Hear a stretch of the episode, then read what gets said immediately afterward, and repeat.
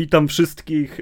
To szósty odcinek podcastu Lawokado. Jest ze mną Marcin Tomkowiak, czyli Sakora. Cześć, witam wszystkich serdecznie.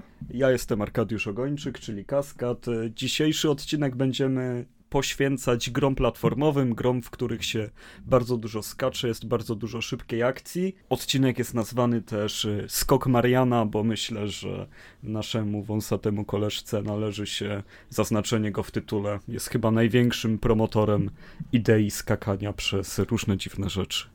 Dokładnie tak. A najfajniejsze w platformówkach jest to, że wychodzą na wszystkie platformy. I to mi się najbardziej podoba. A po drugie chciałem się przypomnieć, że y, udało mi się y, zdobyć drogą kupna nowy mikrofon i mam nadzieję, że nie będę już więcej nikomu buczać.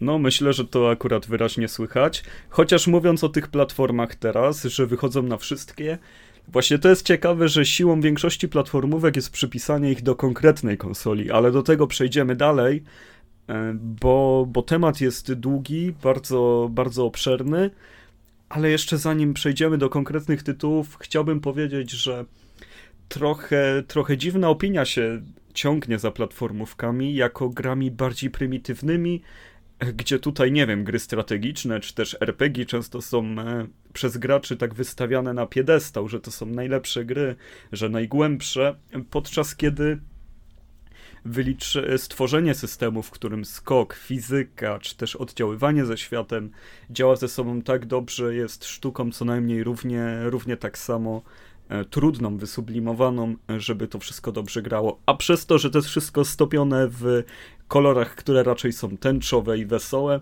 no to może niektórym się wydawać, że, że to jest infantylizacja, podczas gdy no trudno mi się z tym zgodzić, a tobie? Zdecydowanie, ale ważne jest też to, że gry rozwijają różne elementy, różne umiejętności u człowieka. Jedne intelekt, drugie spostrzegawczość, trzecie zręczność.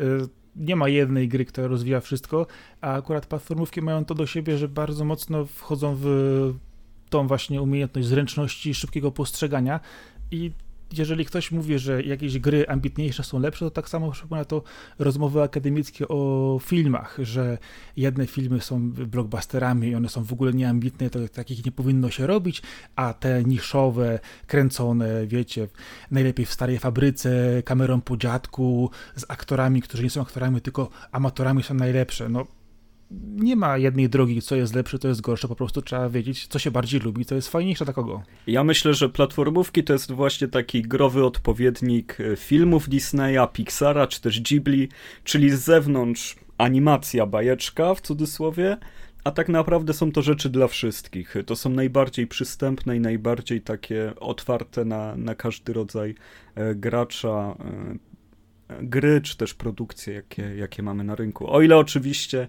zręczność palcy pozwala na to, żeby je ukończyć. O, już pomijam, że niektóre przygodówki też mają elementy zręcznościowe, tak samo strzelanki i mieszania się gatunków pojawia się też w platformówkach, ale o tym też będzie później.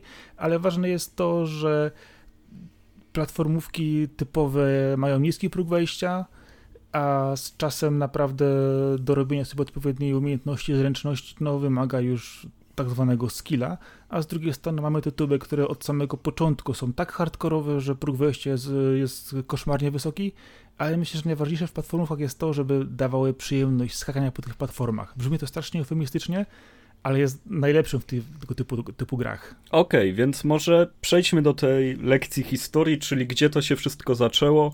Myślę, że takim pierwszym punktem wypada, wypada nazwać Donkey Konga z 81 roku, wielki arcade'owy przebój Nintendo, gdzie tak właściwie tego skakania po platformach nie ma. Jest wspinanie się na drabiny i skakanie przez beczki. No ale ważne jest to, kim skaczemy przez te beczki. Jumpmanem, oczywiście. No, który później stał się sławnym Mariem. Później stał się Mariem, a Donkey Kong, który zrzuca te beczki, stał się także bohaterem własnej serii gier i no, według mnie, chyba już o tym mówiliśmy na podcaście, razem z Yoshim i, i Wario są, są najlepszymi postaciami e, z tego świata Nintendo. E, jeżeli chodzi o Donkey Konga z 81 roku, jest to w pewien sposób fenomen kulturowy, jest to gra turniejowa, także ludzie do dziś biją rekordy, są o tym książki, filmy, dokumenty.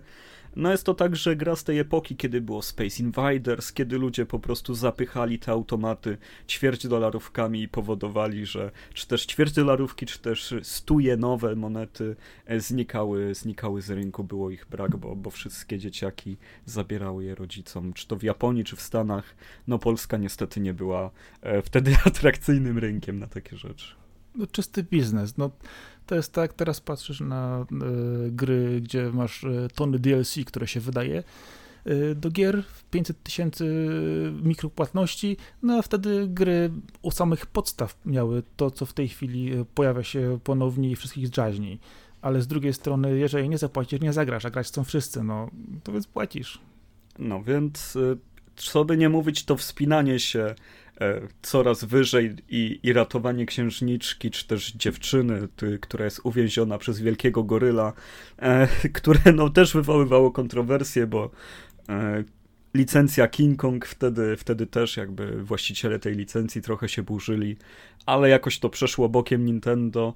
I dwa lata później wypuścili Mario Bros, ale nie to super, gdzie, gdzie idziemy w prawo, tylko jeszcze też takie na jednej arenie. E, gdzie walczyliśmy z tymi takimi postaciami żółwio, ptaka, trudno zawsze mi to nazwać, to na co się wskakuje, żeby skorupę zmienił. Taka sklonowana owca. Taka sklonowana owca. E, tego typu gry były popularne właśnie na początku lat 80., ponieważ scrollowanie ekranu było jeszcze czymś, no, co technologicznie było bardzo trudno osiągnąć i większość gier tak naprawdę się rozgrywała na jednym ekranie. Co warto pamiętać, że już wtedy próbowano skakania przez platformy. Ale myślę, że to się dosyć dobrze rozwinęło z czasem. Były też gry, które później miały po jeden, dwa ekrany. Dużo tych gier mogliśmy akurat u nas zauważyć e, na Pegasusie który notabene rozsławił też i Mario i kilka innych tytułów. No tam e, Pegasus to, to, już było, była to mieszanka. Już były późniejsze, tak, to już były późniejsze, zdecydowanie późniejsze, ale dawały taki posmak tych starszych tytułów jednak i tej starszej grafiki, która była no zdecydowanie inna. Ale no granie w tego starego Mariana było jednak fajne. Było fajne, a potem rok później był Pitfall, czyli taki już to był krok do przodu tak naprawdę. To była ale... gra... No. Słucham? On szedł w górę. On szedł w górę. Ale to była gra, która już była takim Uncharted, można powiedzieć. Czy, czy, czy nie? Bo według mnie to jest Uncharted bez strzelania. Skaczesz na liny, skaczesz po krokodylach. No tak, ale w takim, w takim wypadku emocje. Uncharted jest e, platformówką ze strzelaniem. No, chciałoby być, mi się wydaje, w wielu momentach, ale nim nie było. Dobrze, no, no to może faktycznie. W każdym razie gra przygodowa, gra taka właśnie łącząca ideę Indiana Jonesa z tym, co wtedy oferowała elektroniczna rozrywka, w tym, z tym, co tamte domowe komputery mogły dać, czyli no wielkie piksele, brak muzyki, e, no, wszystko było bardzo umowne, ale też niesamowicie pobudzało wyobraźnię. Jeżeli chodzi o Pitfalla, to była chyba pierwsza gra, która dawała poczucie, że gry mogą e, tak bardzo iść w kierunku filmowości, być gry filmowe, czy też przypominające te emocje, które daje nam film z tą e, pędzącą akcją wyreżyserowaną. No, nie, to fajnie się w to grało. Pamiętam, bo to bodajże się doczekało jeszcze później remake'a w lepszej grafice, ładnych parę lat później. Tak, przynajmniej jednego. Jednym wiem na pewno, nie, nie wiem, czy było ich więcej. Ale no Pitfall niestety, no marka, która, mm, która nie przetrwała próby czasu, odeszła już dawno w zapomnienie, ale trzeba jej oddać, e, że, że włożyła swoje do gatunku. Z tym, że rok później wyszła gra, która zrewolucjonizowała gatunek, świat gier, wszystko zrewolucjonizowała. Super Mario Bros. 85 rok, Japonia, Nintendo Entertainment System – i mały czerwony hydraulik, który po zjedzeniu grzyba robi się dużym czerwonym hydraulikiem. E, no, ustawia naprawdę bardzo dużo standardów raz na zawsze i, i do dzisiaj gry potrafią e, opierać się na zasadach, które e, Mario ustalił w 1985 roku. Jest to totalnie niesamowite, jeżeli przyjrzymy się temu, jaki jest projekt tej gry, co ona oferuje, jakie tam są skróty, power-upy, przeciwnicy, ile tam jest kultowych elementów w stylu przechodzenia rur, odkrywania, która rura na, na levelu jest w stanie nas przenieść w jakiś inny poziom. I tak Wybitna gra. Ale tak samo przy levelach z bossami końcowymi też trzeba było skakać góra, dół, lewo, prawo, cofać się, do, bo inaczej po prostu się nie przeszło. Tam była ścieżka ustalona, a jeżeli biegło się cały raz w prawo i nie skakało na inne platformy, to nie było szansy tego przejść. Ale ważne jeszcze jest to w Mario, że ta gra była programistycznym majstersztykiem. Tam, e, kiedy oglądałem kiedyś program o tym, tam ilość zaszytych rzeczy w tym, e, różnych dziwnych e, obrazków, które były wykorzystywane jako coś innego, byleby tylko zajmowało to mniej danych. Tak, tam chmurka piękne. i krzak to jest praktycznie ten sam plik, tylko jed... chmurka ma ten sam kształt, tylko jest biała, krzak jest zielony. Dokładnie. Na, na tle. No jeszcze muzyka w tej grze, która no śledzi nas wszystkich chyba, mamy 2020 rok. A, Już mi gra w głowie. A każdy wie, jak, jaka jest muzyka w Mario. Ja bym chciał tylko podkreślić e, jeszcze element tutoriala, który był w Mario, czyli tutorial bez żadnego ekranu, bez żadnej podpowiedzi, bez żadnego tekstu. Na samej, na pierwszej planszy, kiedy pierwszy raz trzymasz pada w Mario, musisz przeskoczyć grzyba, który na ciebie idzie. Sprawdzasz, że jak skaczesz mu na głowę, to go pokonujesz. Jesteś w stanie zauważyć, że nad tobą są e, elementy ściany, które możesz zburzyć swoją głową. Są też takie, które możesz, e, z których wylatuje moneta, takie, z których wylatuje grzyb. I masz przed sobą pierwszy bardzo bezpieczną, pierwszą bardzo bezpieczną przepaść, pierwszy skok do wykonania Właściwie ta gra w pierwsze 5 sekund tłumaczy ci swoje wszystkie podstawowe mechaniki, e, dając ci tylko możliwość próbowania, bo no wszystkiego jesteś w stanie się nauczyć, wszystko masz przekazane bez żadnej podpowiedzi od twórcy, bez żadnego trzymania za rączkę. Jest to genialne wprowadzenie, które powinno być wykładane wszędzie, czy to ludzie chcą uczyć się robić gry, czy też oceniać gry, bo, bo to jest mistrzostwo. I weź teraz te współczesne gry z nowymi tutorialami, gdzie wstęp trwa 3 godziny i tak ci jeszcze wszystkiego nie mówi, bo w drugiej połowie gry w ogóle wszystko zmienią i dadzą ci nowe klawisze w innym miejscu do czegoś innego. Albo z drugiej strony gry, w których wszystko jest tak intuicyjne i proste, a i tak przez godzinę masz tutorial, bo nie zorientowałeś się przez ostatnie 10 lat, że na R2 się strzela w grach, a prawą gałką się celuje i rozgląda. No, ale, je... ale, ale, dzięki temu każdy, kto nie gra w gry, może, może w nie zagrać. Ale powinno być to tak zrobione jak w Mario, że bez tego na pierwszej planszy masz ją tak zbudowaną, żeby samemu wypróbować wszystkie możliwości. Ale to tak samo jak w hollywoodzkich filmach, czy co po niektórych książkach, gdzie muszą ci najważniejsze fakty powtórzyć z trzy razy co 15 minut, żebyś nie zapomniał o co tu chodzi. Myślę, że w filmach, w książkach to przechodzi, ale w, ale w grach jest jednak dużo trudniej, bo konkurencja pędzi cały czas przed siebie i bardzo dużo zależy od początku, od tutoriala, od wprowadzenia. Ale dobra, bo, bo zaczęliśmy dywagować, a w tym samym roku wyszło Ice Climbers. Jakie masz wspomnienia z tą przepiękną grą Eskimosa? Ej, no to było fajne, szczególnie można było fokę, fokę pogonić albo niedźwiedzia. Mi się to podobało. W sumie waliło się tylko młotkiem w górę, jeszcze w koopie się. jaka świetna gra. No, w koopie było świetne, a, a, a najlepsze było to, jak się y, wyrywało mocno, mocno do przodu i zostawiało tego drugiego na dole. No, albo pod sobą się klepało, albo na lód się kogoś wrzucało. Ogólnie później... wciąż trudno mi zrozumieć, czemu ta seria tak naprawdę nie istnieje u Nintendo. Nie wiem, ale grało się fajnie, szczególnie na późniejszych etapach, gdzie jeździły te platformy, były pojedyncze cegiełki i trzeba było naprawdę tam się postarać nieźle, żeby przejść to dalej. No, było to zabawne, przyjemne, ale czy nie było to e, w cudzysłowie w porównaniu do tego, w którą stronę rozwijało się Mario zbyt uproszczone? Myślę, że gameplayowo było bardzo dobre, bardzo dobrze świat reagował na to, co robi gracz. Zobacz, to w zasadzie jest taka jedna z pierwszych gier z niszczącym się otoczeniem, na które naprawdę wpływasz i to wpływa na twoją rozgrywkę. Coś, o czym teraz w tych trójwymiarowych korytarzach, które są nietykalne, możemy tylko śnić. A tam faktycznie bardzo dużo zależało od tego, co zniszczysz w jakiej kolejności. E, było było dużo adrenaliny przez koopowe granie, była rywalizacja, były power-upy. Według mnie pomysł, który warto by było rozwijać, no ale widocznie siły poszły w innym kierunku. Ale Ice Climbers zasługuje na wysokie noty. Chociaż mam wrażenie, że ten duch tej gry jest obecny w nieszczęsnych mobilkach, których się skacze tylko do góry, lewo, prawo, obracając telefon no myślę, że twórcy chcieliby usłyszeć taki komplement, że, że mają w sobie ducha Ice Climbers, ale chyba nikt jeszcze na to nie zasłużył. Y, zdecydowanie nie, tylko mówię, że raczej jest to gdzieś pokazywana, powtarzalna ta mechanika, ale raczej nie, nie sądzę, żeby ta gra miała szansę się ukazać. Wierzę, że główny bohater nie dostanie jakiejś większej giwery i samolotu na przykład. Okej, okay, co jeszcze z tego okresu warto wspomnieć? Kaczki, DuckTales. No, to jest gra, znaczy pomijam w ogóle kaczki animowane, które są po prostu legendą u nas, ale ta gra była trudna. No, jak to gry Capcomu, bardzo trudna, bardzo wymagająca ale też bardzo śliczna. Wtedy platformery miały na siebie naprawdę dużo pomysłów, a zrobienie nagle gry o Sknerusie McQuatchu akurat, ze wszystkich postaci Disneya i, i o tym, że skacze na swojej lasce po, po fantastycznych krainach i zdobywa złote monety, według mnie no, świetny pomysł, re, genialnie zrealizowany, e, który wciąż także się odbija w grach. Teraz nawet no, w Shovel Knightie powiedzmy, że jest to, jest to gra, która bardzo duża wzięła z DuckTalesów. Na, nabijanie się na mieczu, tak. Ale z drugiej strony w tym okresie miałeś jeszcze yy, na przykład Super Froga czy Felixa.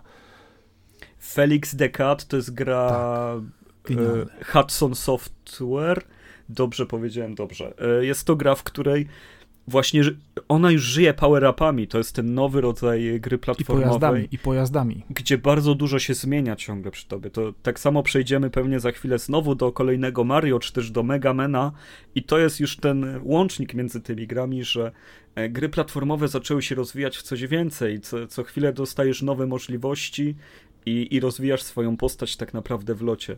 Felix jest genialną grą, która genialnie wygląda w ogóle na 8-bitowej konsoli. Mi się wydaje, że jedna z piękniejszych tamtej ery jest to gra. Zgadzam się, ale fajne było też to, że miałeś tam pojazdy różnego typu, które zależą od tego, co zdobyłeś, w jaki sposób i jak mocno upgrade'owałeś ten pojazd, dostawałeś odpowiednie umiejętności.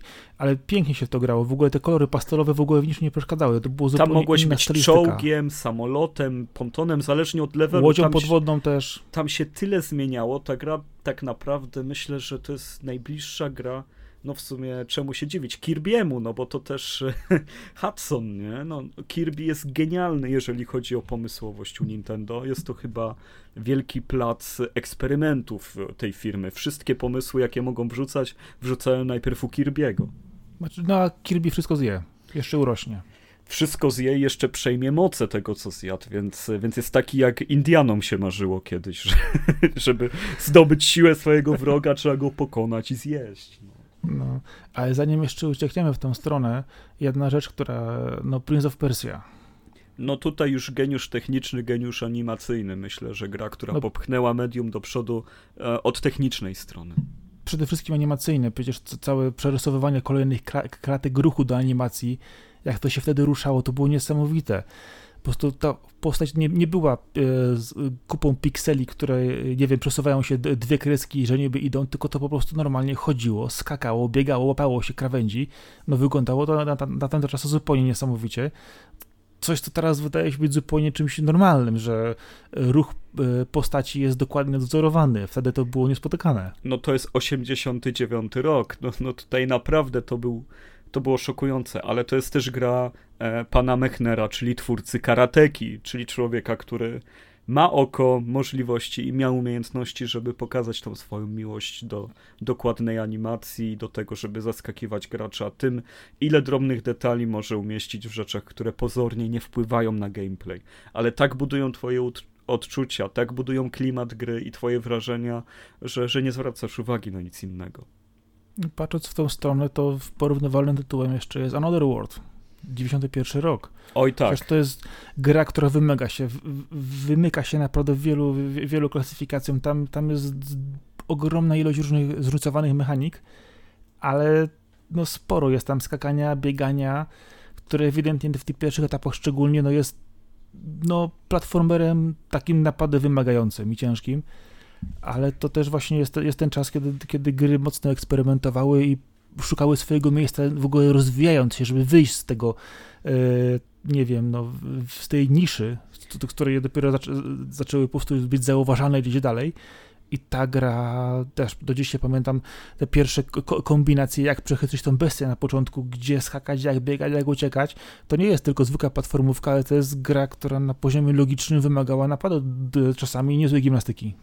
Ogólnie to jest bardzo ciekawy czas, ponieważ lata 80. i początek 90. to lata, w których no większość gier właściwie jest platformówką, no bo tak, takie były wtedy architektury sprzętu, takie były gusta i, i na to pozwalały po prostu pamięci sprzętów yy, i tak dalej, więc każdy eksperymentował, każdy szedł w innym kierunku, żeby urozmaicić ten gatunek, który potem urósł do, yy, do Castlevanii, czy też Metroidvanii, yy, do gier w stylu slasherów, no tak naprawdę od platformówek można tyle odnóg odciągnąć, e, że, że aż trudno teraz wszystkie wymienić. Tak samo jak od przygodówek. To są jednak gry, które ustalały w pewnym momencie standard swój. No ja myślę, że to było naturalne... zlane w jednym momencie. Platformówka była przygodówką, bo się przygodę przerywało, tylko coraz mniej akcji nagle w nich było, coraz więcej fabuły i, i, i tak dalej. Ale jednak, jednak te, te, te tytuły miały pewien ustalony standard swój, który dopiero z czasem na zasadzie innowacji był, był zmieniany i rozszerzony na jakieś dodatkowe elementy, ale myślę, że ten core platformówkowy, nawet jeżeli często widzimy gry, które przykładowo yy, są, wydają się podobnie, że biegamy jakąś postacią po określonych lokacjach, strzelamy i skaczemy, to patrząc na chwilę na rozgrywkę, wiemy, że jedna jest strzelanką jednak, a druga jest jednak platformówką, pomimo tego, że na pierwszy rzut oka dla niewprawnej osoby te gry będą jednakowe. Dokładnie tak. I zanim przejdziemy na dobre w lata 90., no to jeszcze zdanie o Megamenie, bo Megaman zrobił strasznie dużo dla wszystkich gier wideo. Był przez bardzo długi czas największą marką Capcomu, no czyli firmy, która ma także Resident Evil i Street Fightera. No to być u nich największą marką to, to nie jest takie byle co. To nie jest tak, że to jest Wiedźmin jest największą marką CD Projektu. E, dobra, ale w każdym razie genialna muzyka tam była, chyba najlepsza na NESie. E, jeżeli chodzi o samą twórczość i na funę, no to cała gra była zaprojektowana na zasadzie gry papier, kamień, nożyce, gdzie trzeba było zdobywać konkretne power-upy, żeby pokonywać konkretnych bossów na końcu plansz.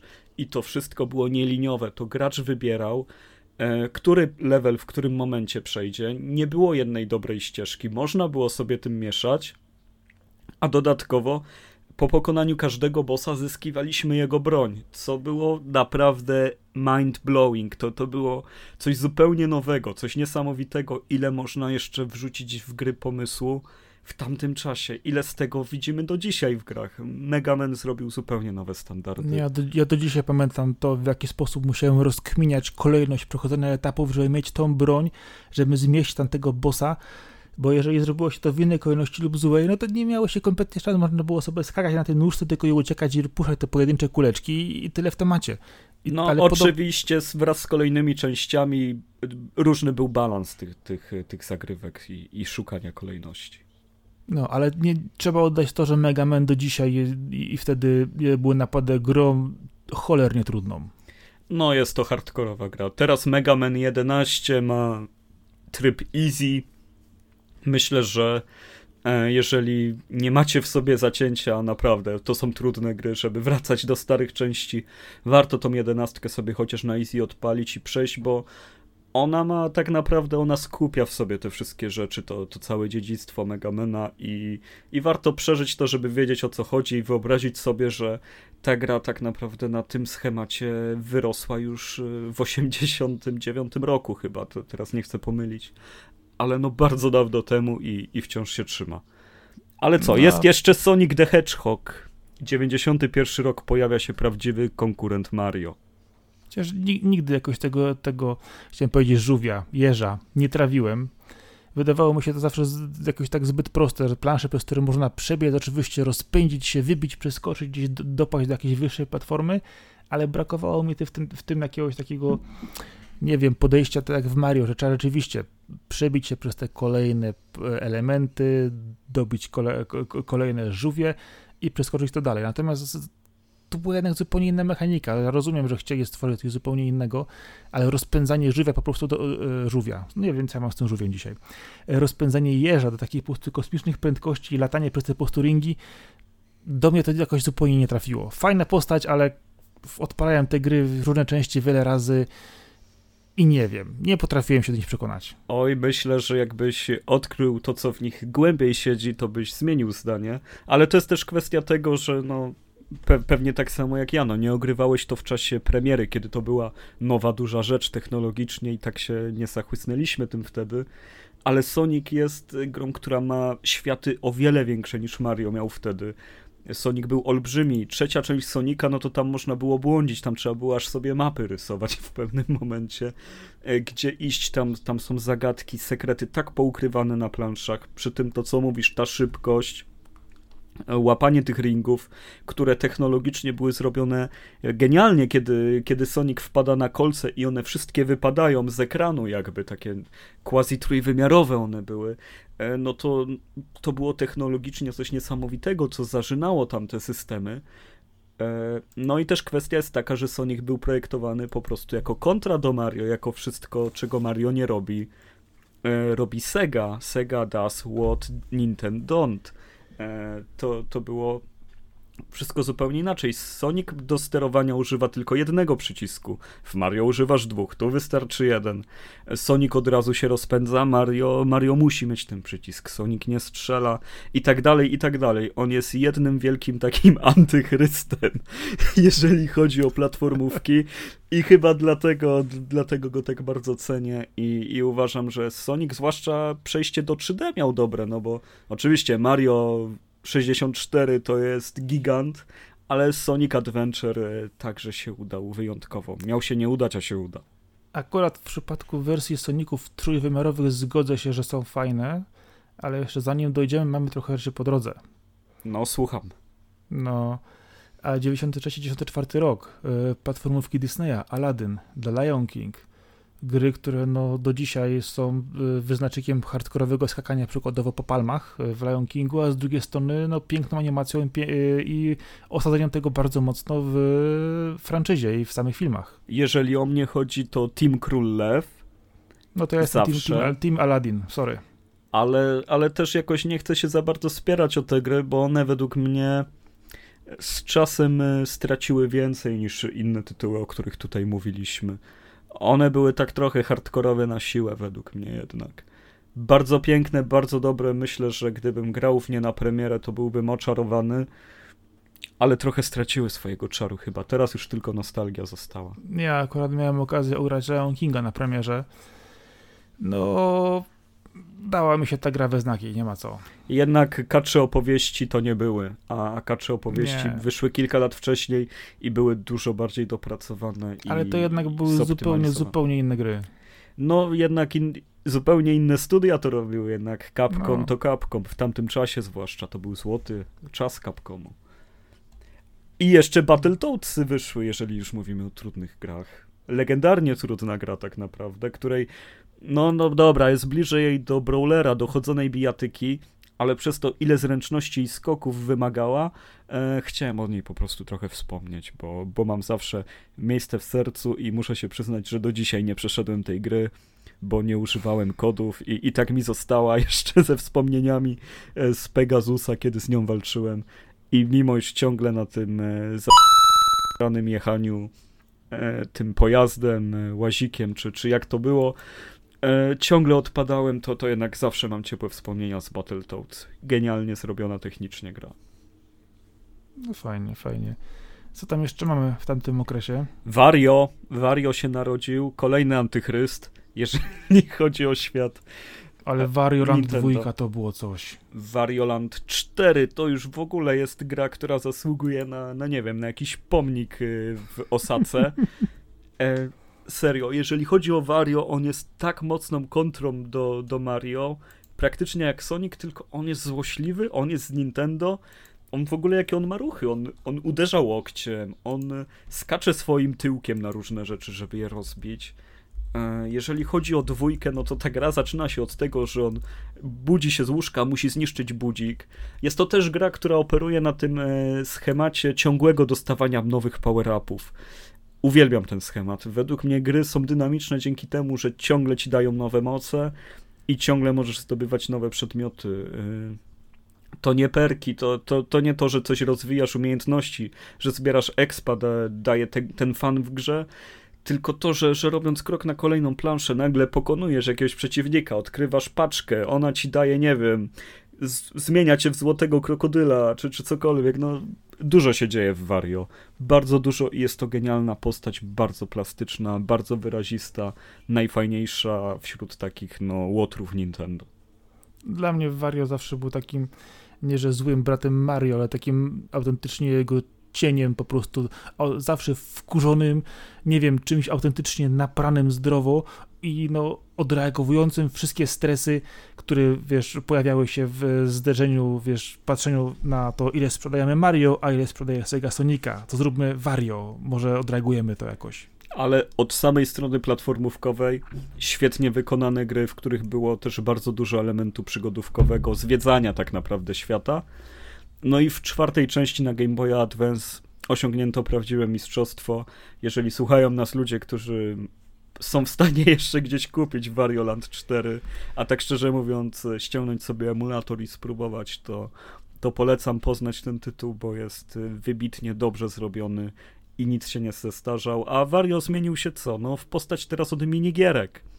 Od Wario INC, od zestawów minigierek, które kontynuują jego pokręcony humor chyba ostatnią częścią, y, gdzie on skakał, była część na Wii, która była oceniona dosyć średnio, ale ze względu na jego charyzmę y, łapka w górę i tak.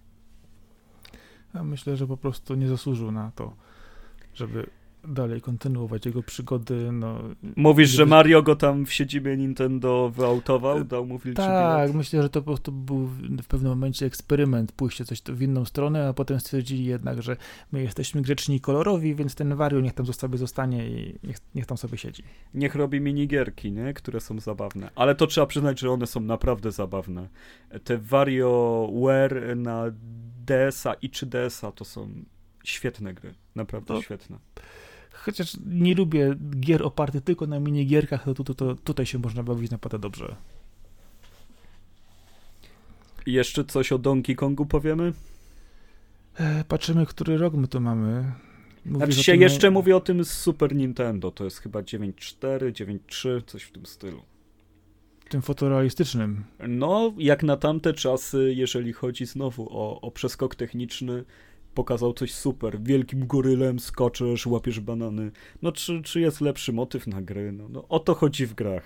Ja no, to kocham. Żeby, ale żeby ta gra ruszyła, przecież w kartridżu musieli wstawić dodatkową moc obliczeniową, bo Nintendo nie było tego w stanie ugryźć normalnie na konsoli. I dlatego kartridże były tak fajne. I niektóre potem się dziwili ludzie, dlaczego niektóre gry są tak strasznie drogie, przecież to niby to samo.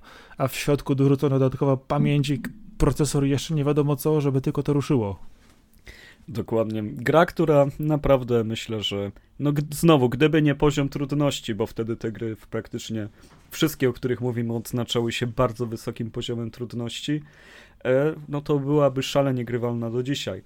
Ale też ten poziom trudności wynikał głównie z tego, że tam mieliśmy licznik żyć, który kilka lat później gry w końcu porzuciły i możesz umierać i skakać w tą przepaść ile chcesz. Bo gdyby no. to samo było w tych grach, no, no to myślę, że to nie byłby aż taki problem, że, że one mają taki wywinięty poziom trudności. No bo chociaż limit żyć po prostu na poziom, co też teraz jest też obecną mechaniką pomiędzy. Nie, że masz limit żyć globalnych, tylko na przykład bo otrzymujesz określoną ilość e, żyć na poziom, więc wtedy jest to o wiele łatwiej. Nie, nie musisz cofać się do zera, tylko cofasz się do maksymalnie jeden etap. No dobrze, pominiemy kilka ważnych tytułów, takich jak Darkwing Duck, który był też świetny. E, Rayman. O, o Super Frogu też się nie rozwinęliśmy, a był bardzo, bardzo świetną giereczką. I przejdźmy już do trójwymiaru może. Bo to już chyba czas, żeby Mario 64 oddać to co jego. Ech, do dzisiaj pamiętam, jak e, pierwszy raz grałem w tą grę w salonie u mnie na osiedlu to był ten czas, kiedy y, przyje, y, przyje, przyjeżdżali po prostu, wiesz, panowie w garniturach z zachodu zakładali, wiesz, salony z różnymi konsolami, czy to PlayStation, czy to Nintendo 64 i płacąc tam parę złotych można było sobie pół godziny lub godzinę pograć w te niesamowite gry, które po prostu y, nie były zupełnie osiągalne, a Mario 64 był po prostu szokiem. W zasadzie, ale tu można iść w bok, nie tylko do przodu. No. To, to, to robiło robotę. Do, do dzisiaj ludzie siedzą przy tej grze po prostu i rozkmiają, co w niej jeszcze jest poukrywane. No Mario po raz kolejny był postacią, dzięki której Nintendo ustaliło zupełnie nowe standardy dla każdego w branży. Oczywiście wiązało się to też z premierą nowej konsoli, która ma gałkę analogową w padzie. E, chodziło o wykorzystanie tej gałki. E, no sterowanie w 3D było wtedy takim powiewem wolności i świeżości, że aż trochę kuriozalnie jest to tłumaczyć w tym momencie. No. Po prostu wyobraźcie sobie, że nigdy nie było wielkiego, otwartego świata 3D i nagle dostajecie go, a do tego jest on okraszony grą, która jest po prostu świetna i, i ciekawa i grą, ja której trzeba się uczyć na nowo i ją porozkminiać. Pamiętam ten szok pierwszych gier 3D, które wchodziły w różnych gatunkach. To było po prostu niesamowite. Było, że jejku, ale tu można iść w tą stronę, można iść w tamtą, można iść do góry, można na dół, a tu jest jakiś tunel, a tu się coś dzieje. To akurat dosyć mocno było wtedy widoczne na RPGach, które e, kiedyś były płaskie, a potem przeszły w zupełnie, w zupełnie inny, in, inny wymiar. I tak samo w tych e, grach, gdzie zwykle skakało się w jedną stronę, a nagle okazywało się, że trzeba zupełnie sposób myślenia zmienić. Że to nie jest tylko pójście do przodu, to jest pójście do przodu, do, do tyłu, w bok, w prawo, znalezienie nowej drogi i w ogóle często odkrył się nowy mechanik. E, w ogóle w platformówkach, jakie to było trudne, bo trzeba na nowo nauczyć gracza wyliczać skok, czuć ten skok, czuć ciężar postaci. I właśnie Mario robił to świetnie, bo on jak go rozpędziłeś, on chwilę potrzebował na wyhamowanie, on się przewracał na tyłek, on właśnie skakał i, i upadał na, na ten tyłek tak jak Wario, czyli zapożyczył coś od niego jednak. E, ten w ogóle zamek, który był wielkim warp roomem, gdzie się wskakuje w, w obrazy, no, no jest tam tyle malutkich smaczków, które są designersko genialne, łącznie z tym, że e, tak naprawdę kamera w Mario 64, nie wiem czy pamiętasz, jak nią sterowaliśmy, no to był jeden z tych takich żółwików na chmurce, który miał zawieszoną ją na wędce i oficjalnie tak. to on krążył dookoła Mario i nam go pokazywał. Można było czasami sobie tak obucić planszę, żeby go, żeby go zobaczyć. No, więc to było jeszcze tak świeże, że wprowadzono tak naprawdę kamerzystę, który nas oprowadza po tym świecie, no po prostu mózg paruje, a levele, na których, nie wiem, ślizgasz się z pingwinami. To, to, tam było aż za dużo dobra. Te wszystkie rzeczy z dwuwymiarowych Mario zostały w pewien sposób przeniesione do Super Mario 64, a same levele mi tak przypominały zawsze taką dioramę e, widzianą, właśnie tak zaprojektowaną, tak, tak przyjemnie, tak schludnie. No, idealnie po prostu. Na, w tamtym roku nie można było zrobić nic lepszego. Ale dopiero jakoś dwa czy trzy lata temu wyszło jak ktoś tę grę rozebrał na części pierwsze, że nie można było znaleźć wszystkich gwiazdek. I ta jedna, jedyna gwiazdka była, e, chowała się kawałek pod levelem, bo e, kąt, pod którym wchodziła, pla, e, wchodziła platforma do góry, kąt, pod którym wchodziły gwiazdki do góry był inny i nie można było ich znaleźć do końca. No to trzeba pogratulować temu panu, że to znalazł. Naprawdę cenne jest to, że poświęcił lata życia na, to, na to odkrycie. Dziwi po prostu mnie to zawsze dziwi, jak ludzie są tak, e, nie wiem, fanatycznie zafascynowani niektórymi tytułami, że dopóki nie odkryją, dlaczego coś się wydarzyło albo nie wydarzyło, to po prostu siedzą latami, a tym i kminią, e, wiesz, szukając w kodzie, grzebiąc po prostu w, w asetach we wszystkim, aż w końcu nie dojdą do tego, że na przykład, nie wiem, e, Heniek, który projektował ten poziom, no po prostu zapomniał. No, ale najbardziej fascynującym przypadkiem takiego code diggingu jest Shadow of the Colossus, ale chyba o tym kiedyś sobie też pogadamy. Ale to raczej nie jest platformówka. Ale to, co ludzie wyciągnęli z tej gry, którzy są naprawdę w niej zawzięci, jest niesamowite. Ale dobra, jesteśmy w świecie 3D, jesteśmy w świecie Mario. Czy myślisz, że warto mówić o Tomb Raiderze w tym momencie? Czy on Zdecydowanie. jest przy platformówkach warty wspomnienia? Według mnie znaczy, też to jest to, to kwestia, kwestia tego miksu tytułów. Znaczy w tej chwili jest to raczej normalne do nas, powiedzmy, otwarte lub półotwarte levele, e, różnego typu elementy dotyczące z, e, zbieractwa. W platformach też były. Skakanie po, skakanie po platformach, odpalenie mechanizmów jest i tu, i w Tomb Raiderze. Zbieranie znajdziek jest. Jakaś historia opowiedziana jest. I tutaj mamy pytanie, bo te Tomb Raidery, pomijając trzy ostatnie po resecie niejako tego, to do, dokładnie mieszczą się w, w platformówce i to nie w typowej strzelance właśnie 3D, która jest zupełnie innym gatunkiem, ale patrząc na to, to Tomb Raidery są no, doskonałymi przykładami platformówek, czym na przykład nie jest Uncharted, które jest notabene strzelanką z elementami skakania. No, dla mnie Tomb Raider zawsze było grom w układanie gigantycznych puzli, ale z mechaniką skakania, na której się to głównie opierało, żeby o ten milimetr doskoczyć, bo jak się zrobiło to źle, to trzeba było od nowa się wspinać. I żeby tak jeszcze... kółko. I czasami trzeba było wymyślić, żeby zrobić skok do tyłu, żeby się odbiła automatycznie, jak to było wtedy w tej mechanice zaszyte. I przy automatycznym odbiciu do tyłu okazywało się, że jest platforma wyżej, której nie widziałeś. No, I, trzeba... to dopiero, I rozkmienienie tego, to dopiero było elementem po prostu znalezienia tych niektórych rzeczy, to był kosmos. No to są te gry właśnie wczesnego 3D, kiedy jeszcze tyle nieodkrytego było przed twórcami, tyle inspiracji ich czekało. I Tomb Raider miał gigantyczny wpływ na popkulturę, na gry. Na... Tomb Raider był wszędzie wtedy. No, no jest to tytuł, który e, naprawdę zakręcił wokół siebie cały świat jednak z dzisiejszej perspektywy, jeżeli miałbym dzisiaj zagrać w jakąś grę, no to wolałbym w Super Mario 64 i dalej bym się dobrze bawił, a przy pierwszym Tomb Raiderze to już tylko nostalgia mogłaby mnie trzymać. Zgadzam się, ale w tym czasie miałeś też Raymana dwójkę, który wyszedł już z 2D e, do 3D. No chwilę później, no mimo wszystko. Chwilę później, znaczy mówimy ogólnie o tej 90. 90 no. latach, no. dokładnie. E, chodzi o to, że ta gra była dla mnie po prostu świetna. No, ona była, wiesz, bajeransko-kolorowa i ja ją wspominam bardzo dobrze z tamtego czasu. Szczególnie to latanie z tymi, wiesz, różnymi e, dziwnymi, wiesz, ważkami, Albo szukanie. kiedy Rayman robi helikopter ze swoich uszu. No, I stopień skomplikowania tego po prostu był piękny. Rayman 3 okazał się to już później, później, ale dla mnie stopień właśnie y, budowania tej mechaniki, znajdziek i tego, że naprawdę mogłeś przejść poziom i nie znaleźć połowy rzeczy na nim, a dopiero później, jak dopadłeś kolejny nowy element i typowy właśnie, nie wiem, no cofanie się, backtracking, który mamy wiele, wiele razy obecnie w innego typu grach właśnie, gdzie musimy już e, typ, robić typowo Metroidvanie, o tym też myślę za chwilę, to w Raymanie też było to dobrze zrealizowane i historia ze złymi, wielkimi postaciami, które łaziły, nie wiem, ze strzelbami czy innymi przeciwnikami, no to było wyzwanie jednak. Dokładnie, z tym, że w tamtym czasie większość gier to było wyzwanie, a Sony ze swoim PlayStation mimo wszystko nie zważało na to, że jest Super Mario 64, tylko u siebie ładowało naprawdę mocne hity. Był Crash Bandicoot, Ape Escape, Spyro, no... A to są...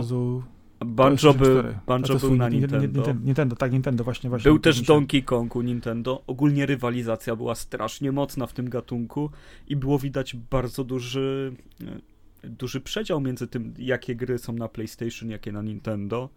I to było świetne. Jakie to było świetne, że były dwie zupełnie różne filozofie, zupełnie różne szkoły. Design nawet był nie do pomylenia. Crash był rewelacyjny jako taka gra właśnie dla nawet, o, dla młodych dorosłych, jak to się teraz mówi. Szalo, szalona bieganina. On łączył wszystkie pokolenia i miał przezabawne śmierci, miał e, genialny silnik, wyglądał rewelacyjnie. No, no i był w świetnym klimacie w ogóle jakiś, my mówimy lisek, a to jest tak naprawdę jamraj. Co za różnica e, w spodniach, biegający i, i kręcący się dookoła z, z, z maską magiczną, która robi ugalak, ugalak e, genialnie zrobione gry. No właśnie platformówki pokazują to, że one muszą mieć jeszcze klimat poza, e, poza samym gameplayem, żeby, żeby dobrze wejść w ten świat, być odpowiednio zwariowane. Właśnie Crash był tak zwariowany w takim samym stopniu, co film Maska z Jimem Kerim, że, że on był taki, no niesamowicie, niesamowicie wesoły, przaśny, ani dla młodszych, ani dla starszych, ale taki już widać, że, że to nie jest właśnie bajeczka taka. E, Spyro, no to już był smok, który czerpał chyba najwięcej właśnie ze szkoły Nintendo, z gier na Nintendo 64 na PlayStation, Ale tego levela. Spyro miał też do siebie, że jednak był inną postacią. Miał, oferował trochę inne rzeczy. Miałeś tam jednak skrzydła, biegałeś na czterech łapach i czuło się zupełnie inny ciężar tych y, y, sposobów poruszania się przede wszystkim. To jest też ważne. Bo no rozpędzanie go było świetne. Kiedy skakałeś tym, tym smokiem, naprawdę czułeś po prostu, że się musisz tymi łapami przed nimi złapać, bo jak się nie złapiesz, to po tobie. I to zupełnie inaczej to wyglądało, niż bieganie e, standardowym dwunożnym Marianem. Ale dla mnie Spyro do dzisiaj też wyszła przecież niedawno odświeżenie pierwszej trylogii, które e, cały czas w tej chwili ogrywam, ale te stare Spyro było, było śliczne. Nawet, nawet później jak zrobili swojego reseta, e, bodajże to było A New Beginning, czy nie pamiętam teraz dokładnie tytułu tego, to dla mnie przygody... Skylanders. przygody, te, tak, ale przygody tego fioletowego smoka w tych pięknych krainach, tym po prostu różnorodnością, bieganiem, tym zmianą y, często też kamery, bo raz biegałeś do przodu, raz biegałeś w bok. No, dla mnie piękna gra, naprawdę. Bardzo śliczne gry. No i o tym Ape Escape jeszcze powiem zdanie, że no jedna z pierwszych gier, jeżeli nie pierwsza, która korzystała z DualShocka, czyli mamy 99 rok, gry zaczynają rozumieć, że dwie gałki są potrzebne. To jest wu, no, nowa Shen, rzecz. Shenmue nie nauczyło się tego do dzisiaj. Dokładnie. No i Ape Escape, no to już jest zupełnie inny klimat. To jest gra w stylu, nie wiem, jak oglądasz japońskie teleturnieje na YouTubie i starasz się je zrozumieć, to, to I też... rzucać bananem. To też szalone małpy, które musisz złapać w siatkę w tej grze. No właśnie jedną gałką sterujesz postacią, drugą e, e, łapiesz je w siatkę. E, wybitnie dobre gry, jeżeli chodzi o klimat, o rozbudowanie. One zrobiły tyle dobrego, rozwijając się w Ape Escape dwójkę i trójkę, że jest szokiem dla mnie po raz kolejny, to powiem, że nie ma kontynuacji tych gier, bo Ape Escape jest... naprawdę wybitnie dobrze działa. Ale ja zawsze chciałem, chciałem zagrać naprawdę w Ape Escape vs Donkey Kong. Po prostu połączenie wariactwa tych dwóch gier i autentycznie poziomów, gdzie walczyli, było wpływy pomiędzy sobą, albo Donkey Konga, który postulatowałby te małpy, no totalne szaleństwo. Po prostu grałbym w to jak dziki. No jest to dobry pomysł, gdyby jeszcze do tego dorzucić Yoshiego gdzieś i Wario z tyłu, żeby tam kibicowali. Ale jo Yoshi, Yoshi, Yoshi w ogóle jest zapomniany. Tak, tak Kirby'ego jeszcze wszyscy kojarzą, bo to Yoshi, Yoshi skończył po prostu jako taki wierzchowiec dla Mario, mam wrażenie. A czy się Yoshi miał genialne gry dwuwymiarowe, kiedy on właśnie nosił malutkiego Mario na swoich plecach, pominęliśmy ten, ten cały, tą całą część historii, bo już się nie dało tego zmieścić, ale pastelowo najpiękniejsze gry na SNESie, a teraz Yoshi też robi najpiękniejsze gry dla najmłodszych po prostu. Jest ich bohaterem na, na Wii U, na Wii. Ale z drugiej strony no, no, nowe części Kirby'ego, które są po prostu patchworkowymi materiałami, są piękne. I tutaj tego brakuje w Yoshim jednak. No, Kirby to jest najpotężniejsza postać w uniwersum Nintendo, co potwierdził pan Sakurai, twórca Smash Brosów. E, więc, więc trudno się dziwić. Kirby to jest wariat, szalona różowa kulka. To niesamowite, że można zrobić bohatera gry, która ma nie wiem ileś dziesiąt części i od ilu lat trwa i on jest po prostu różową kulką, ale Nintendo potrafi i, i Kirby jest naprawdę bogiem. No, muszę, muszę coś więcej kiedyś o nim poopowiadać albo napisać. Ale przechodzimy teraz do szczytu gatunku trójwymiarowych gier, czyli czasu, kiedy PlayStation 2, GameCube i pierwszy Xbox za, za, zaczęły rządzić. Chociaż tak naprawdę to na PlayStation 2 się działo wszystko, co ważne. Moje ukochane gry. Ja tylko rzucę tytułami, zaraz ją mówimy. Jack and Dexter, Ratchet Clank, i Sly Raccoon, czyli inaczej y, przygody Szopa Kradzieja. Sly Cooper, Sly Raccoon, no, no zależy od regionu tak naprawdę. U nas jest Cooper. Cooper? Sly Una, Cooper, tak. U nas jest Cooper, no. Cooper. Tak, bo kupiłem właśnie niedawno y, odświeżone wersje y, czterech części, czy pierwsza trylogia i czwarta część i ogrywam to ponownie i nic się nie zastarzało. Pomijając ewentualnie lekkie niedociągnięcie graficzne, to fan ze skakania i roz, e, rozgrywania tych planszy, bo czasami trzeba nieźle ruszyć głową, to w Sly Racoonie, no to no, jest piękne. No Sly jest wybitnym przedstawicielem gatunku, bo on potrafił dodać stealth, elementy skradania do platformówki gatunku, który w ogóle się nie kojarzy z takim napięciem. On umie połączyć właśnie ten brak napięcia ze skradaniem się, z tym, że nie musimy czekać pół godziny za rogiem, aż ogarniemy, jak strażnicy się poruszają, tylko jest i płynność przechodzenia tej gry, i skradanie się, dużo zabawy, humoru.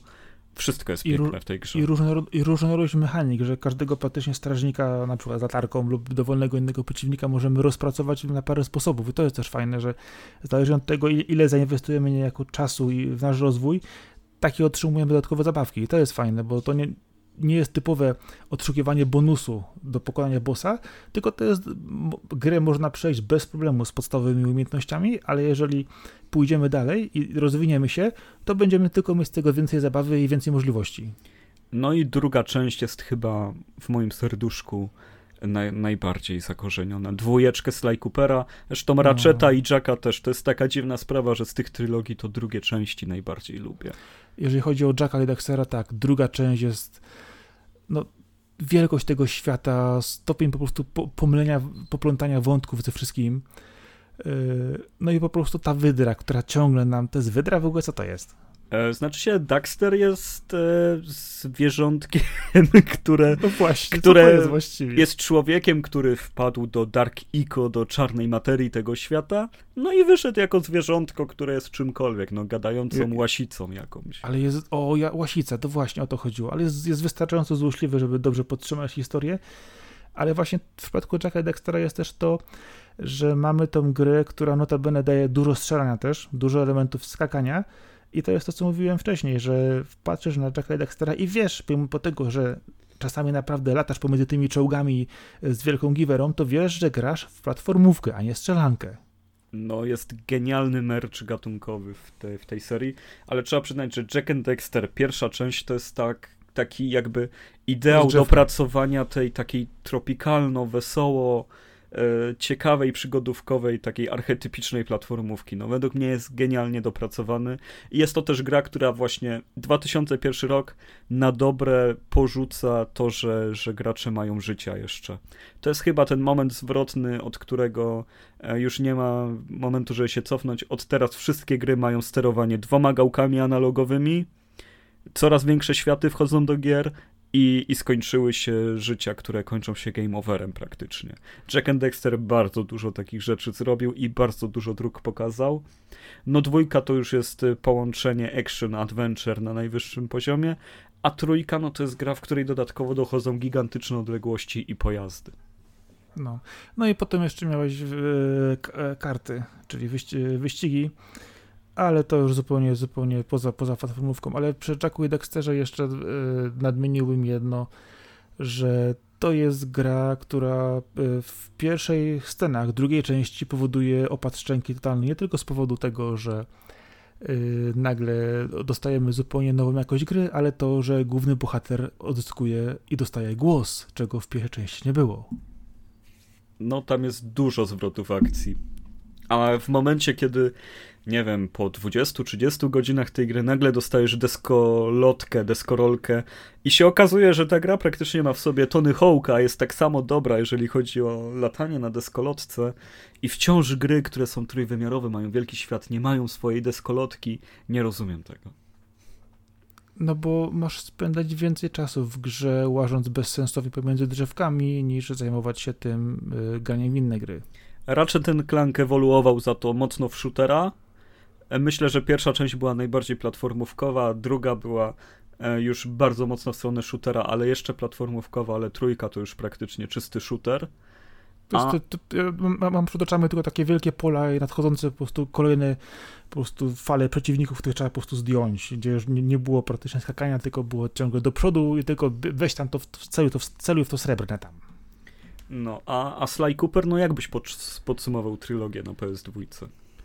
Y fajna gra. Przede wszystkim z tego powodu, że yy, jakby to powiedzieć, nie wiem, mam, mam straszny sentyment do tej postaci. E, mówię, ten shop kradziej, kradziej dawał do, dobry klimat. Opowieść o, o niby byciu złym, ale dobrym.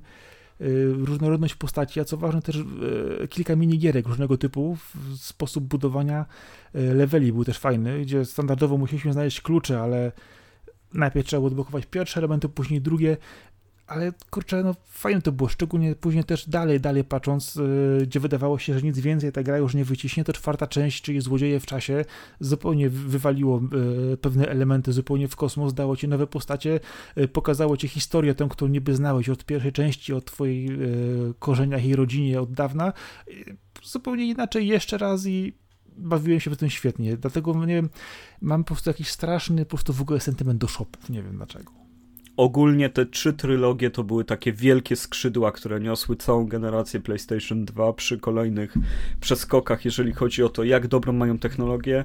E, ja nie przeczytałem nigdzie tej informacji, ale wydaje mi się, że Jack, Ratchet i Sly e, to te studia bardzo blisko ze sobą współpracowały i na tym samym silniku ciągle udoskonalanym pracowały, bo bo te gry miały w sobie to samo DNA, ale każda szła w zupełnie inną stronę. To było, to była taka największa fuzja sił, jaką widziałem w grach, żeby, żeby tak trzy trylogie obok siebie szły. Genialne przeżycie być wtedy graczem i je śledzić na bieżąco. No, ale do dzisiaj Jackie Daxter daje radę, naprawdę, to jest niesamowite. I tak samo Sly, Sly, e, Sly Cooper, no. Jakby wyszedł remake Jacka dwójki, wiesz co ja bym robił? Zdjąłbym gacie przez głowę. Znaczy, wiesz, są te wersje pociągnięte z PS2 na PS3, ale remake, znaczy remake, się, remake. Boję, boję się słowa remake w przypadku tego tytułu. Obawiam się, że zbyt dużo chcieliby unowocześnić. A jakie tam graficznie były sceny, przecież ta walka z metalheadami w burzy. Oj, ile no. tam się działo, ile tam się działo. Dobra, ale Albo, mamy teraz te Ale jeszcze poczekaj, poczekaj, poczekaj. W Jacku Daxterze, jak jeszcze wychodzisz e, z takiej zamkniętej lokacji na wielkie, otwarte pola i po prostu widzisz te wzgórza przed tobą i wiesz, że można nie wejść. No tam no. można było na zdecydowanie większość wejść, o w ten sposób to powiem. Teraz to jest norma, a wtedy nie. I dopiero potem, żeby z tego czasu panowania się otrząsnąć, no to wyszło dopiero Super Mario Galaxy na Wii.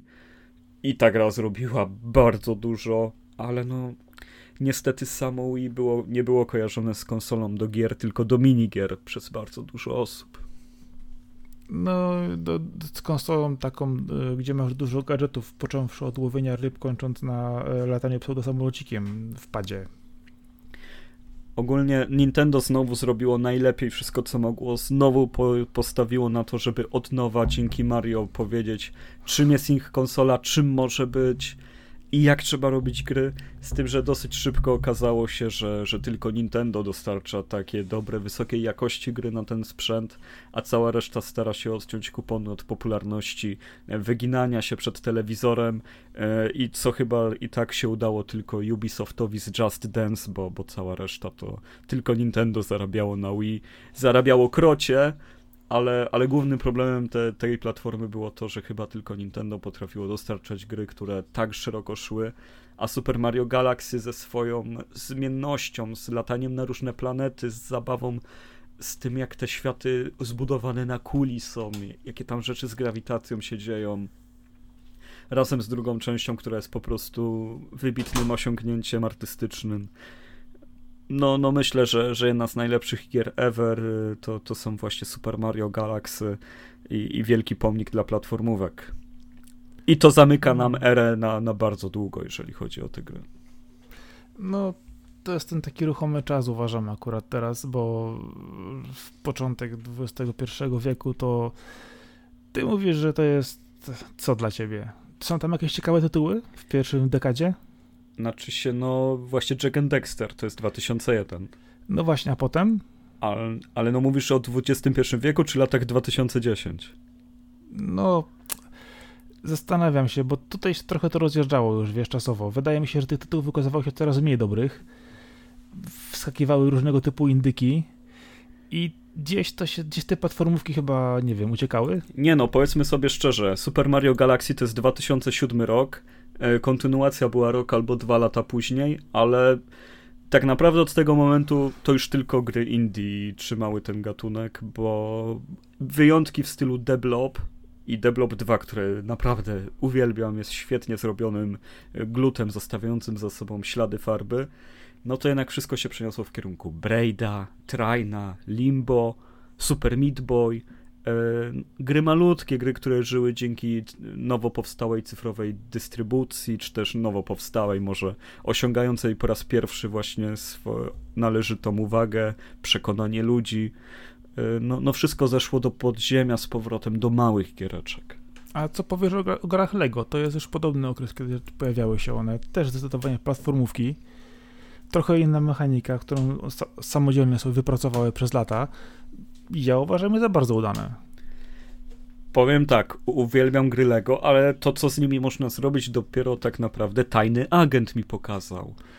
To jest Oj. tak dobra gra, że aż szkoda potem wracać do innych Lego. Chociaż oczywiście e, z punktu patrzenia na to, że nie wiem, masz małego syna, córkę, chcesz z nimi w coś grać razem, nie ma lepszych gier. Według mnie to są idealne gry do koopa, idealne gry dla najmłodszych, którzy chcą się bawić z konsolami, chcesz wprowadzać ich w ten świat, ale zjadają własny ogon. No jednak po skończeniu jednej gry Lego, jak, mam, jak miałbym odpalić drugą, to bym zwymiotował. Mam bardzo długie przerwy między grami Lego, po 3-4 lata się zabieram po jednej na kolejną, bo to jest odstęp, który mi pozwala wyczyścić dopiero umysł.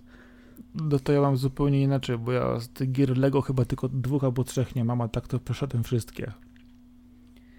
Ale też trzeba przyznać, że na początku, jak zaczynali zyskiwać popularność, to te Lego Star Wars były wybitnie dobre. No tutaj jakby nie mam im nic do zarzucenia.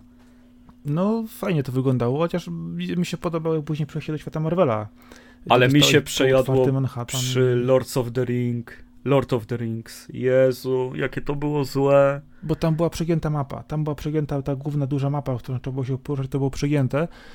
Ale elementy batalistyczne czy skakanie po, po, po murkach było fajne. Ale tam właśnie problem był z e, przeniesieniem się pomiędzy kolejnymi poziomami. To było złe, to zrobione akurat. Ogólnie gry Lego są super, ale je odstawiłbym na własną kategorię gra Lego. Oni już są tak bardzo odmienni i wypracowani, że, że są jakby własnym gatunkiem dla siebie i, i taką bezpieczną przystanią dla każdego. Myślę, że coś wielkiego osiągnęli two, tworząc te gry. To jest Ale Traveler's Tales, tak? Dobrze mówię o studiu? Tak, tak, no. bodajże. Chociaż tam jeszcze, jeszcze ktoś tam coś dorabiał im jakieś elementy, ale to już głównie oni. Wypracowali sobie jakby maszynkę do drukowania pieniędzy, nie, nikim tego nie odbierze.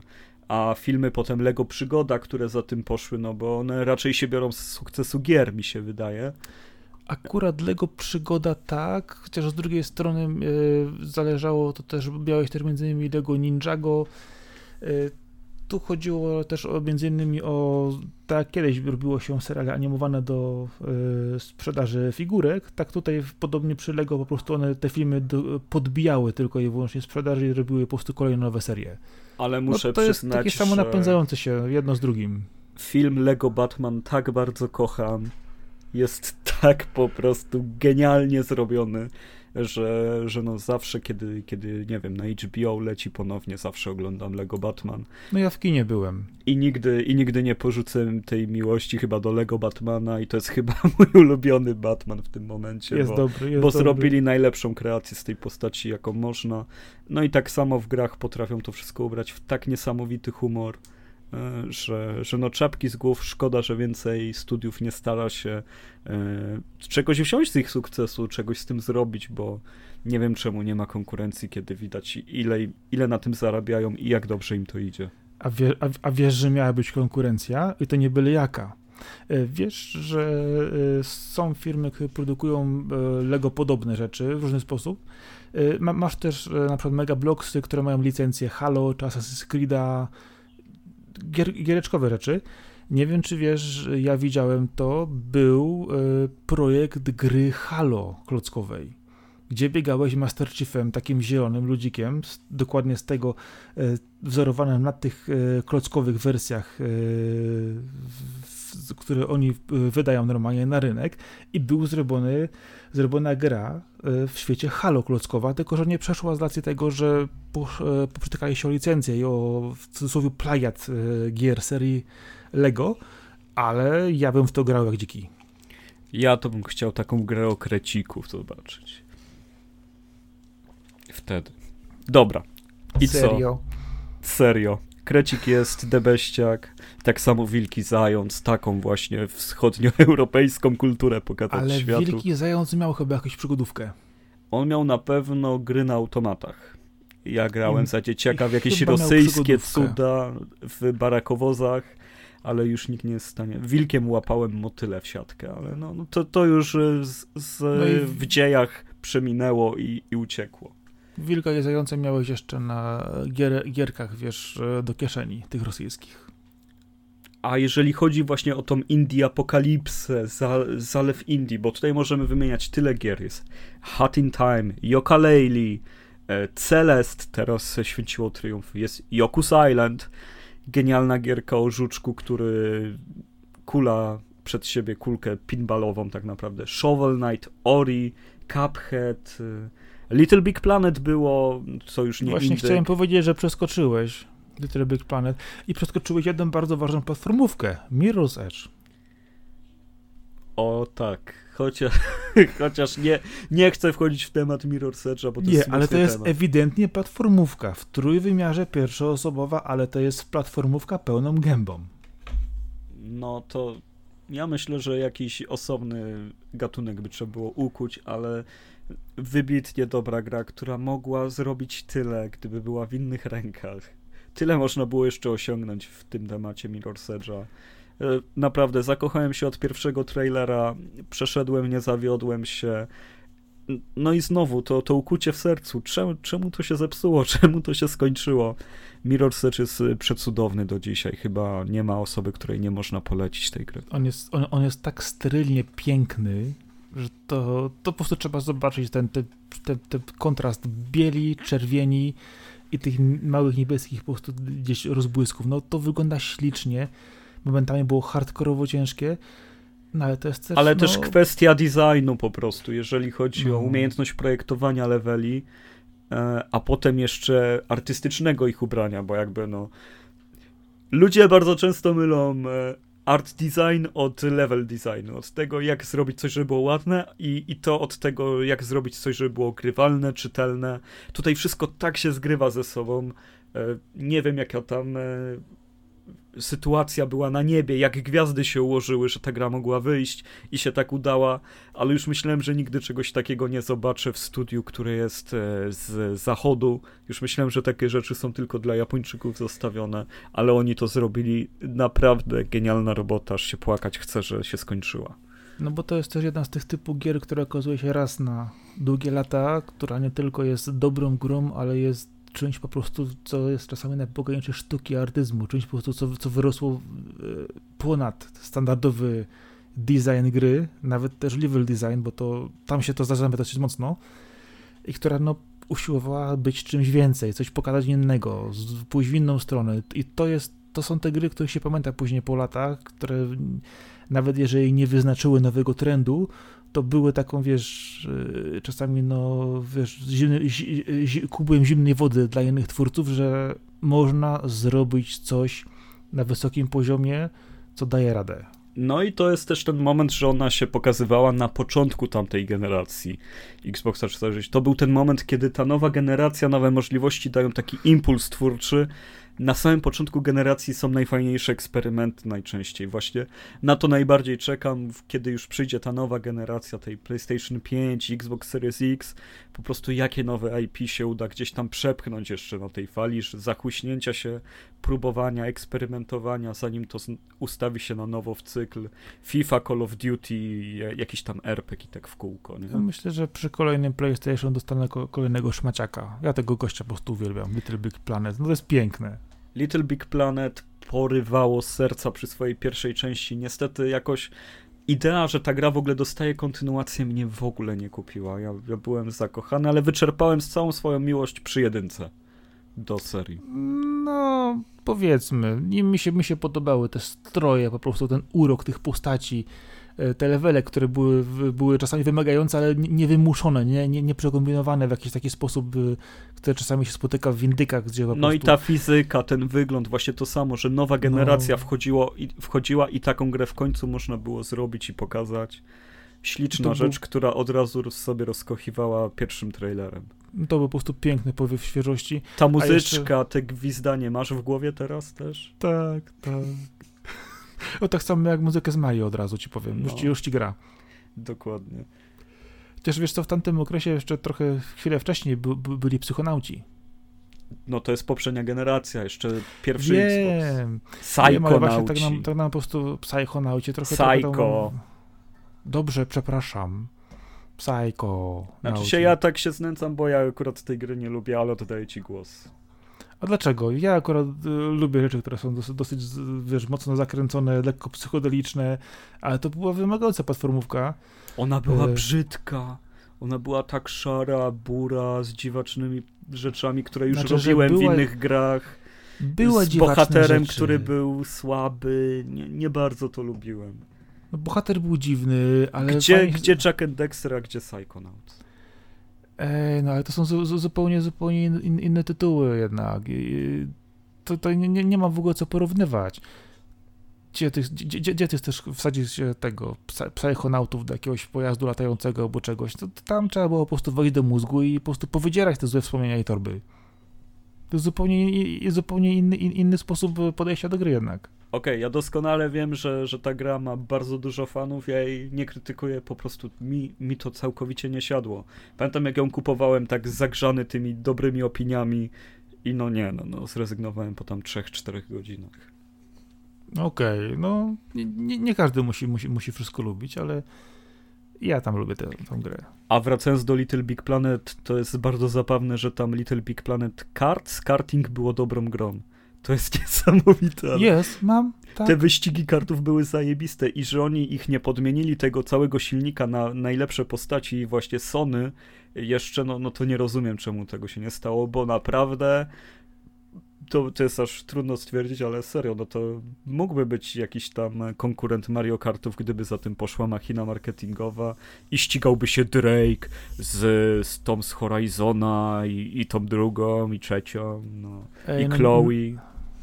Na, na, nawet Sega przecież miała swoje All, Star Racing Transformed i, i w tej wcześniejszą części też się ścigało po prostu wszystkie postacie możliwe po prostu były wciągnięte do, do, do, do ścigania się. Te Soniki A... są przezajebiste, one są tak naprawdę równie dobre co Mario Karty, tylko nikomu to nie przechodzi przez gardło, bo niestety Dlaczego? Sonic jest postacią dużo mniej popularną, mniej lubianą i, i, jego całe crew nie, nie budzi ani trochę emocji a, a u Mario gra charyzma po prostu wszystkich tak postaci. Jak, e, tak jak mówiłem, nie lubię tego żółwia, znaczy się jeża.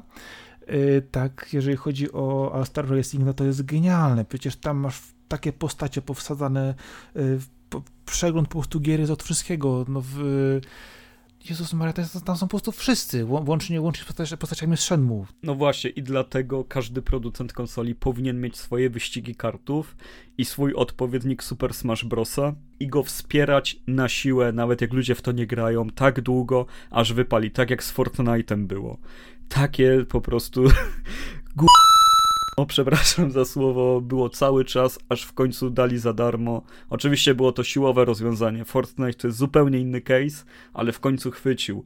Według mnie kilka takich serii powinien mieć każdy producent konsoli, które wspiera na siłę tak długo, aż nie chwycą. I, i to powinny być gry multiplayerowe, online'owe, które, które właśnie w ten sposób zabawowo by czerpały z Mario Kartów i, i Super Smash Brosów. Ale dobra, już, już jesteśmy blisko finału. E, powiem więc zatem, jeżeli chodzi o te gry indie, nie indie, że Shovel Knight jest moim e, wielkim bożkiem teraz i kocham Shovel Knighta. Wszystko, co z nim związane, jest grą genialnie zaprojektowaną, która bierze wszystko, co najlepsze z czasów 8 i 16-bitowych, wrzuca je w nowoczesny design. Sama postać, wszystko od A do Z jest e, grą, która zasługuje na najwyższe noty. Zgadzam się. I co ważne, to nie jest kolorowa, piękna platformówka, tylko mroczna gra. To jest mroczna gra z bardzo ciekawymi mechanikami. Ona potrafi nawet wziąć mechaniki soulsowe do siebie. E, Nienawidzę.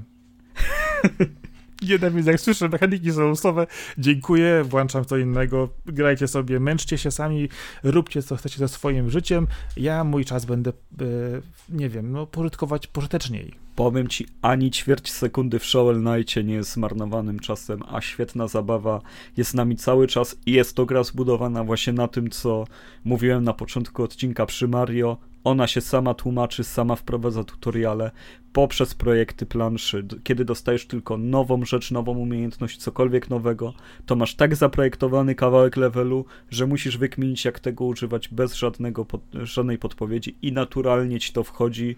Potem przez kilka najbliższych minut masz bardzo łatwe wykorzystanie tego i wachlujesz tym do końca gry jest wybitnie dobrze zrobioną grą, która świetnie jest wspierana. Yacht Club Games e, wyrośli tutaj na, na bożku w gameplayu, mimo iż tak naprawdę e, nie wiem czemu aż tak dużo się o tym nie mówi. Ale no cóż, może, może Super Meat Boya wolisz? Nie wiem. Nie, nie, nie, akurat tej, tej maszynki do mięsa nie znoszę. Nie, ale wiesz co, jeżeli patrzysz na gry rzucone powiedzmy w ostatniej dekadzie, to ja raczej poszedłem w zupełnie, zupełnie innym kierunku. Pewnie nie słyszałeś o grze, która nazywa się Suit F. Totalny indyk, zrobiony w, przez bodajże jedną osobę, e, zero promocji, nie dostaniesz Gdzie ty mnie zabrałeś? Gdzie, gdzie my Zabrałem cię, w tym momencie? Zabrałem cię do tak schizowatego świata i tak niesamowitych, ciężkich zagadek, że yy, odpadłem. Autentycznie przeszedłem grę w całości, momentami nie wiedząc w ogóle w co gram, ale kiedy dochodzisz do końca i dowiadujesz się o co chodzi i gdzie ty w ogóle jesteś, to, po prostu mówisz, o mój Boże, oni mają rację. I autentycznie gierka jest za darmo do ściągnięcia w necie, obsługuje pady nawet, wszystko. Jest ciężka momentami, zagadki, które tam są yy, na tych niektórych levelach po prostu spędzają sens powiek, ale jest to platformer pełną gębą staroszkolny, który jednak daje nowe mechaniki. A jak chcesz dalej spojrzeć jeszcze, to teraz zabiorę cię w zupełnie inną stronę. Tak jak tamto można nazwać, nie wiem, yy, kosmosem, nie, może nie kosmosem, piekłem, straszną rzeźnią, tak też w drugą stronę patrząc, gra, która nazywa się Reveal of Reveal the Deep, gdzie chodzisz sobie nurkiem po różnego typu zatopionych statkach i dziwnych miejscach, odnajdując tajemnicze artefakty, i też próbując rozkminić historię, która tam jest dosyć fajnie zarysowana. Przepraszam, że ci przerwę, ale przypomniałeś mi o tym, że nic nie powiedziałem o przygodach Tintina, które były na generacji PlayStation 3 i Xboxa 360 i są świetną platformówką. Musiałem to wtrącić, bo by mi wyleciało Ja wiem, te artefakty ci przypomniały na pewno o tym. Nie, ten, to, że nurek, bo, bo tam dużo nurek. na statku A, się dzieje, wiesz? Dokładnie. No, ale wracając do tego Reveal, Reveal the Deep, Indyk y, fajnie zrobiony, zarąbiaście mechanicznie pokombinowany, bo tam naprawdę trzeba, trzeba wykminić. Tak, to, to jest to, co lubisz. Dostajesz jakiś element, który zaczynasz obserwować, jak działa i musisz zacząć go używać. Nie tylko w jednym miejscu, ale w wielu. Jeżeli ktoś chce Reveal, Reveal the Deep, jest za darmo na Steamie, można sobie ściągnąć, pograć. Nie jest to długa gra, ale jako platformówka no, świetnie to po prostu działa. Ogólnie platformówki są bardzo wdzięcznym gatunkiem do, do bycia indie, do bycia grą zrobioną przez jedną, dwie, trzy, cztery osoby, więc tutaj się dużo dzieje, dużo pierwszych prób jakichś deweloperów, to jest jakaś tam wariacja na temat albo platformówki, albo symulatora chodzenia, albo paragrafówki. Zwy, zwykle tak to się dzieje. Jeżeli nie paragrafówka, no to point and click ale no nie możemy jeszcze zakończyć odcinka, zanim nie wspomnimy chociaż trochę o Wii U, bo, bo ta konsolka mia, miała życie bardzo ciężkie. Ale nie powiedziałeś o niczym na 3DS-a. A ja na 3DS-a i y, po prostu gram cały czas w te wszystkie możliwe platformówki. No tam jest Mario, Super Mario 3, 3D, 3D i tak samo Mario 3D World, który jest na Super Wii U, Mario jest wybitnie jest, dobry. Jest DS-owy. Jest, jest Nintendo 64 Mario też, na DS-a wcześniej był. Masz e, New Super Mario Bros. 1 i 2. Na Game Boyu były osobne wersje Crash'a Bandicoota, Sonika. Trudno wymieniać te wszystkie rzeczy. Jest tona rzeczy się działa w platformówkach przez ostatnie lata. No i warto też dodać to, że jednak platformówki na handheldach e, to jest po prostu ich dom. Przede wszystkim. No, te dwuwymiarowe bym powiedział teraz, że tak, ale trójwymiarowe to jednak zawsze wolałem e, na dużej konsoli. No, ale Super Mario 3D Lando niestety nie ma na dużym formacie takiego porządnego. A, za to 3D World jest świetną giereczką, a, a cały ten gatunek wyniósł znowu na wyższy poziom Mario Odyssey, który wyszedł e, 3 lata temu, już znaczy się 2017 rok na Switcha no wybitnie znowu dobra gra, która pokazuje ile można wycisnąć z Mario, kiedy nagle się okaże, że on ma czapkę, która ma skrzydełka i, mo i, możesz tej czapeczki używać do tego, żeby już się od niej odbijać, do, dodawać sobie nowe rzeczy. Mario się przebiera w różne stroje, znowu ratuje Peach. Znowu w tą starą formację jest e, wrzucono zupełnie nowe serce. Nie, może w Nintendo pracuje jakiś tam japoński odpowiednik religii, że on wszędzie potrafi włożyć serce. E, jest, jest to no, znowu wybitnie dobra szkoła tego, co można osiągnąć, nie myśląc o tym, jaką mamy moc obliczeniową, tylko co jeszcze możemy wymyślić, żeby nasza postać tak dobrze reagowała na, na ruchy, napadzie, na komendy, jak tylko to się da i jak bardzo da się zaskakiwać gracza. Ale to właśnie o to chodzi w platformerach, że pozornie wydaje się, że to jest prosta gra, którą każdy może stworzyć, ale wymieszanie tych elementów, które wszyscy znają i stworzenie gry, która właśnie dobrze działa, która wciąga, która, która nie powoduje frustracji, co ważne, bo niektóre platformery potrafią operować tylko i wyłącznie na frustracji i przechodzeniu 10 tysięcy razy jednego skoku, tak na przykład tego typu gry, które notabene są często bajecznie kolorowe, piękne, śliczne, radosne, czasami po prostu rubaszne, hasta się po tych platformach, po różnych światach, to wyważenie tego gameplayu z wyglądem gry, bo zwróć uwagę, że większość platformowych jednak to są gry kolorowe i radosne yy, i spowodowanie u gracza tego, że on chce dalej przechodzić tą grę, iść dalej przez ten świat, czy czasami nawet nie ma żadnej przygody takiej w sensie rozwoju scenariusza, tylko po prostu kolejnych wyzwań i zmniejszenia u niego po prostu tego, zmiany tego, że y, coś, co powinno y, wywoływać frustrację, czyli przeskakiwanie kolejnych rzeczy, po prostu podnoszenie poziomu trudności, wywołuje po prostu totalne odreagowanie i radochę. Ja tego nie rozumiem, ale to działa. Po prostu bierzesz takiego Mario, wpadasz na planszę, rozsadzasz po prostu te żółwie po kątach, y, skaczesz po kolejnych platformach, łapiesz te gwiazdki i jesteś po prostu szczęśliwy. E, wiesz co, ja myślę, że moc platformówek leży w tym, że te postaci, one wszystkie mają jakiś swój ruch filmowy. E, w stylu, no, no właśnie, McQuatch skacze na, na swojej laseczce, e, Ma, Mario skacze na grzyby, nie wiem, Jack and Dexter czy też Crash, no to jest to kręcenie się dookoła siebie, Sonic tak szybko biegnie.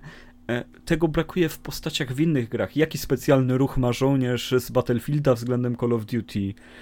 Nikt nie ma swoich specjalnych ruchów, a tutaj każda postać ma swoje, swoje właśnie coś takiego specjalnego, co przy pierwszej minucie z nową grą poznajesz, aha, ta postać właśnie tak się zachowuje, tak to robi. To często jest okraszone śliczną animacją, która dodaje charakteru tej postaci, bo tu nie chodzi o fabułę opowiadaną w filmach czy dialogach, tylko tym, jak się gra, jakie, przed, jakie przedmioty się zdobywa, jakie plansze się przechodzi bardzo dobre, bardzo dobry przykład tego, jak bardzo gry mogą iść w swoją własną stronę.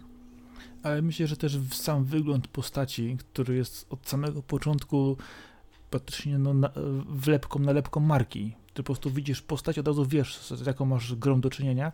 To jest też bardzo ważne, bo ona od razu wywołuje pozytywne reakcje. Widzisz Mario, mówisz, o fajnie, poskaczę sobie. Widzisz, widzisz że akurat, no patrząc dalej, widzisz po prostu Jacka Dextera, mówisz, o będą grube, grube żarty i fajna akcja. A teraz, nie wiem, odpalasz kolejną część Asesyna i co mówisz? o Jezus Maria, znowu coś wymyślał z tą historią, żeby tylko coś wymyślili nowego. Znowu będą znaczki na mapie do odgadnięcia. Tak. A to, Jack to, to, and Dexter... Jack and Dexter to było to kopanie kóz w dół czy tam krów tam na początku, żeby zagonić je do obory. To, to mi tak tą grę zrobiło wtedy. E, więc podsumowując, y, platformówki, czy jest jeszcze na nie miejsce? Jest 2020 rok, ludzie chcą grać w gry free to play, ludzie chcą się strzelać do siebie online, e, ludzie chcą jakiś tam RPGów, w których tworzysz postać i możesz wydropić miecz plus 4, przepraszam, Sworda. I, I co dalej? Jak żyć, panie premierze? No, no, co tu zrobić z tymi platformówkami? Ktoś jeszcze zrobi coś poza Nintendo, czy nie? Ojoj, zależy, zależy jak nasze piękne y, zagłębie indyków z tego wybrnie, bo to było parę tytułów jednak, które dawały jakąś taką nadzieję, a nie tylko robiły maszynki w mięsie czy inne rzeczy. Ale platformówki jednak są dosyć, wydaje mi się, wdzięcznym gatunkiem, który cały czas się jednak pojawia. Dużo było fajnych rzeczy ostatnio, na przykład Hat in Time po prostu, które mi zrobiło tak dobrze, że o Jezu, to było tak fantastyczna przygoda, naprawdę na wzór tych starych, dobrych przygód. Z drugiej strony masz odświeżoną wersję Spyro, Crash'a Bandicoota, to się nieźle sprzedaje i to nie tylko wśród starych wyjadaczy, które te gry pamiętają, grają na sentymencie, ale one cały czas jednak dobrze, dobrze się sprawują. Ja w tej chwili ostatnio zainstalowałem e, Sly Coopera, zaczęła to po prostu moja młoda córka i była kupiona od razu, więc wydaje mi się, że dobra platformówka jednak sprzeda się zawsze. I tu nie chodzi tylko o to, że masz e, powiedzmy popularne nurty i trendy, które są w tej chwili obecne, ale po prostu dobre gry tego typu no, zawsze będą miały miejsce na rynku i zawsze po prostu znajdą odbiorców. No, myślę, że patrzysz na to przez bardzo różowe okulary, ale chciałbym, chciałbym żeby było tak, jak mówisz, to, to na pewno, bo widzę tą, tą zapaść twórczą, że każdy się boi zrobić nową, dużą postać, która będzie skakać i reklamować. Być maskotką platformy, maskotką Sony, maskotką Microsoftu, czymś, co jest w stanie być postawione obok Mario Odyssey i pokazać, ok, jesteśmy w stanie to zrobić, dajemy na to budżet, mamy nowego bohatera dla siebie. Bo, bo platformery, no to też były maskotki tych platform, to były symbole, to były właśnie te postaci tak kolorowe, tak wyjątkowe, że od razu je z czymś kojarzyłeś. No, brakuje Ale mi tego. Myślę, że to właśnie jest głównym problemem w tej chwili tych wszystkich marek, że nie ma jednego bohatera stałego, który po prostu wiązałby to wszystko razem. Nie ma tego w teorii nie ma, nie ma tego nie ma tego Sonika, który po prostu wszystko łączył.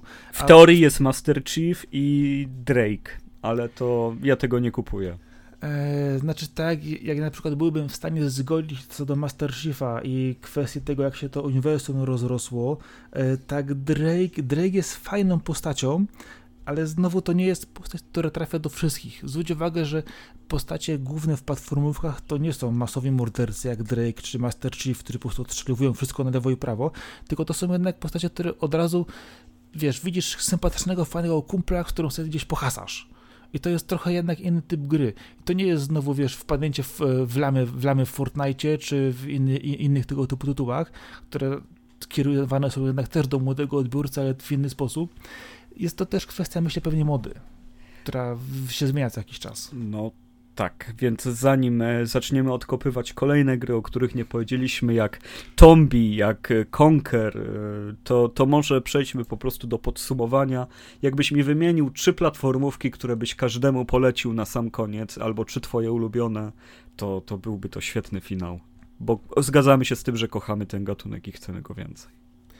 Wiesz co, wymieniłbym, wymieniłbym pewnie y, dwie trylogie y, Slaja, jedną, a drugą y, naszego Jacka Dextera, ale w tej chwili powiem tak, na równi stawiam, stawiam właśnie Sly, Sly Coopera i Jacka Dextera jako takie dwie po prostu no podręcznikowe po prostu trylogie fenomenalnie zrealizowane w ten sposób.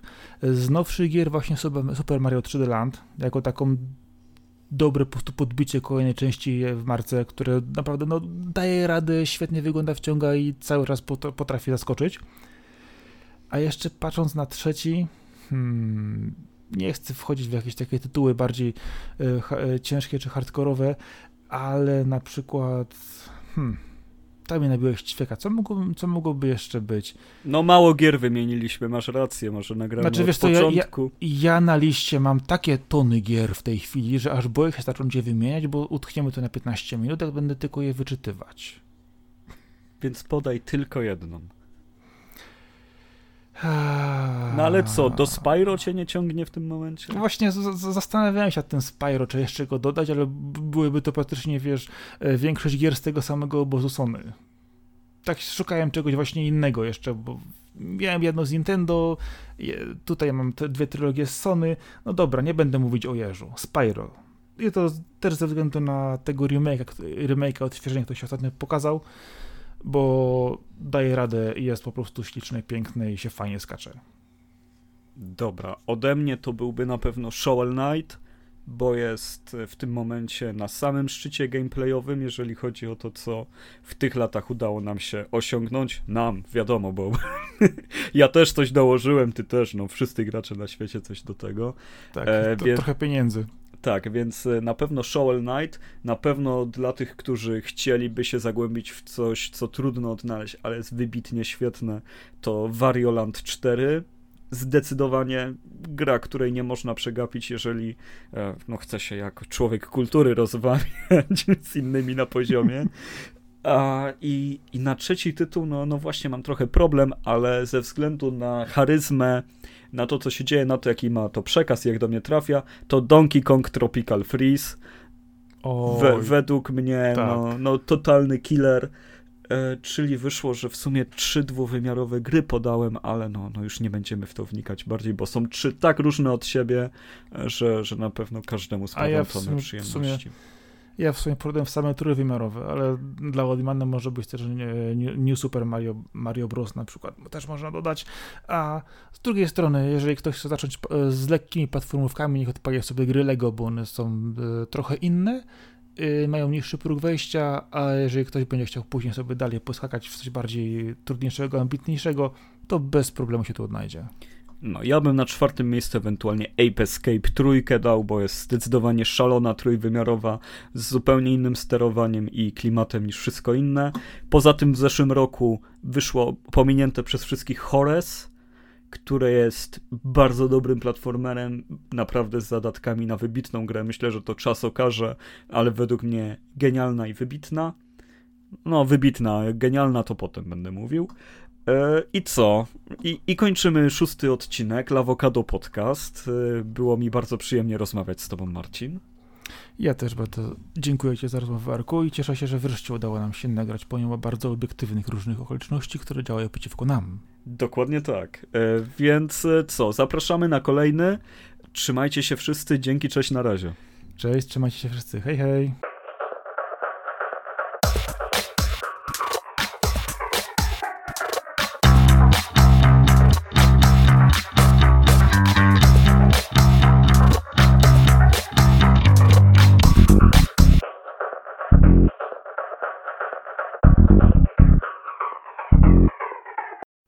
Jak ja blisko muszę być tego ustrojstwa, żeby się dobrze nagrywało? Czy może mi ktoś to wyjaśnić? Czy ja mogę siedzieć tu?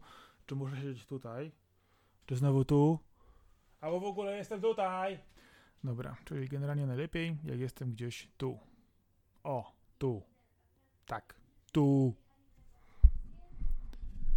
Chyba, że spróbujemy jeszcze raz tak i teraz w ogóle jesteśmy tu, tu, tu, tu, tu, tu, tu, tu, tu, tu, tu.